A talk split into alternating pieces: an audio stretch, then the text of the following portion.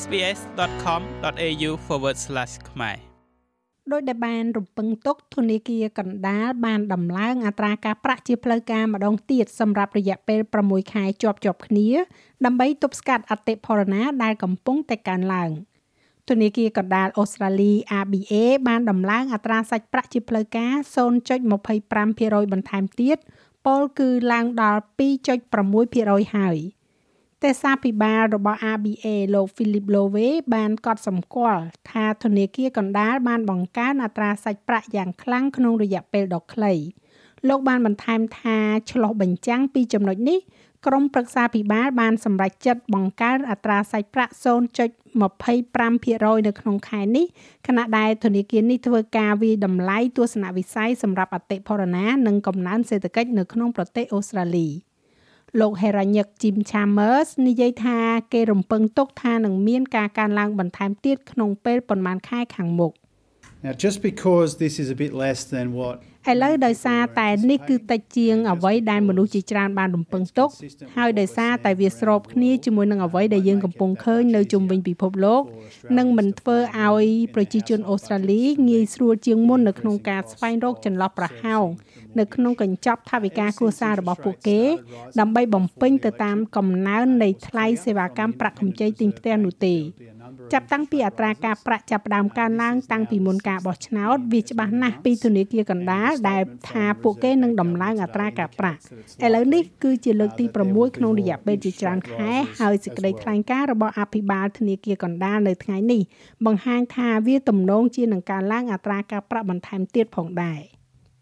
ការកើនឡើងនៅក្នុងល្បឿនយឺតជាងមុននៃគោលនយោបាយរូបិយវត្ថុនេះដែលកើតឡើងបន្ទាប់ពីការដំឡើងអត្រាសាច់ប្រាក់0.5%ជាប់ជាប់គ្នា4ដងបង្ហាញថាធនាគារកណ្ដាលនៃប្រទេសអូស្ត្រាលីកំពុងខិតទៅជិតការកំណត់នៃចំណុចណឺតហើយនេះគឺជាការកម្រិតដែលអត្រាការប្រាក់មិនមានឥទ្ធិពលជំរុញឬក៏បន្ថយទៅលើឥទ្ធិពលសេដ្ឋកិច្ចនោះទេ។ សម្រាប់អ្នកដែលមានប្រាក់កម្ចីទិញផ្ទះការកើនឡើងនៃអត្រាការប្រាក់ជាបន្តបន្ទាប់នេះនឹងបន្ថែមប្រាក់ចំណាយរាប់រយដុល្លារដល់ការសងប្រាក់កម្ចីប្រចាំខែធៀបទៅនឹង6ខែមុននៅពេលដែលអត្រាការប្រាក់នៅស្ថិតក្នុងកម្រិតទាបបំផុតអ្នកនាំពាក្យ Heranyck គណៈបកប្រឆាំងគឺលោក Angus Taylor មានប្រសាសន៍ថា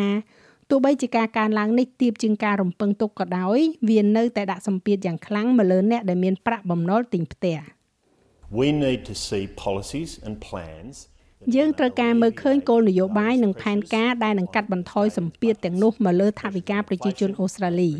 សម្ពាធមកលើអតិផរណាអត្រាការប្រាក់ទាំងនោះត្រូវបញ្ឈប់ជាមួយនឹងកញ្ចប់ថវិកាដែលនឹងបង្ហាញនៅពេលខាងមុខ យើងចង់ឃើញកញ្ចប់ថវិកាដែលមានការទទួលខុសត្រូវកញ្ចប់ថវិកាដែលមិនចាក់សាំងបន្ថែមទៅលើភ្លើងហើយសម្ពាធដែលប្រជាជនអូស្ត្រាលីកំពុងទទួលបាន នោះមិនមែនជាការបង្កើតតម្លៃនិងប្រាក់ឈ្នួលឡើងចុះដែលធ្វើឲ្យផលិតផលមិនអាចមានលទ្ធភាពទិញបានសម្រាប់ប្រជាជនអូស្ត្រាលីនោះទេប្រជាជនអូស្ត្រាលីជាមធ្យមកំពុងតែបង់ប្រាក់រាប់រយដុល្លារនៅក្នុងការសងប្រាក់កម្ចីទិញផ្ទះច្រើនជាងពេលដូចគ្នានេះកាលពីឆ្នាំមុន ហើយគេរំពឹងថាវានឹងកាន់តែអាក្រក់ទៅអាក្រក់ទៅអត្រាសាច់ប្រាក់ផ្លូវការរបស់ប្រទេសនេះស្ថិតនៅកម្រិតទាបបំផុតត្រឹមតែ0.1%ប៉ុណ្ណោះនៅចន្លោះខែវិច្ឆិកាឆ្នាំ2020ដល់ខែឧសភាឆ្នាំនេះនៅពេលដែលការកើនឡើងជាបន្តបន្ទាប់ជាលើកដំបូងបានចាប់ផ្ដើមឡើងគេហទំព័រប្រៀបធៀបផលិតផលហិរញ្ញវត្ថុ Red City ប៉ាន់ប្រមាណថាអ្នកដែលមានប្រាក់កម្ចីទិញផ្ទះ5សែនដុល្លារ បានបង់ប្រាក់ច្រើនជាងមុន600ដុល្លារក្នុងមួយខែចាប់តាំងពីខែមេសាសម្រាប់ការសងប្រាក់កម្ចីទិញផ្ទះ។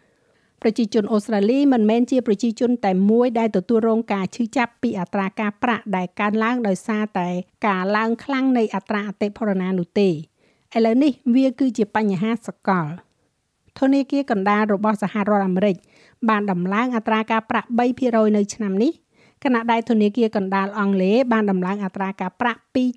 2.15%លោក Alan Oster គឺជាប្រធានសេដ្ឋវិទូនៅធនាគារ National Australian Bank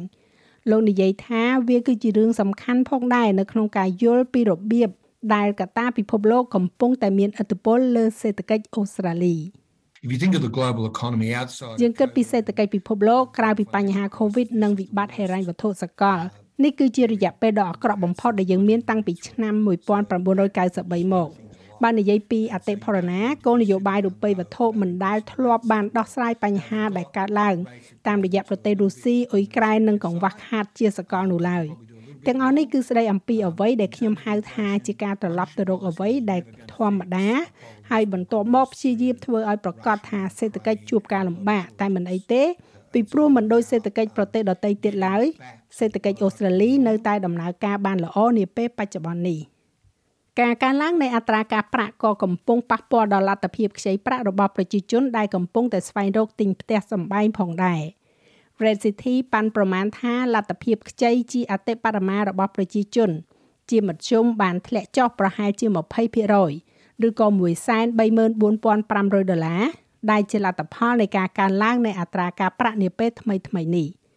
ទន្ទឹមនឹងនេះដែរអ្នកដែលមានប្រាក់សន្សំកំពុងតែមើលឃើញនៅអត្រាការប្រាក់ដែលទទួលបានត្រឡប់មកវិញខ្ពស់ជាងមុនជាមួយនឹងធនាគារ Westpac និង NAB ជាធនាគារដំបូងគេដែលប្រកាសថាពួកគេកំពុងដាក់អត្រាការប្រាក់លើផលិតផលសន្សំមួយចំនួនរបស់ពួកគេឲ្យកើនឡើង0.25%ចាស់ហើយរបាយការណ៍នេះចងក្រងឡើងដោយ Becky Kikumilis សម្រាប់ SBS News និងប្រាយសម្រួលសម្រាប់ការផ្សាយរបស់ SBS ខ្មែរដោយ នាងខ្ញុំហៃសុផារ៉ានី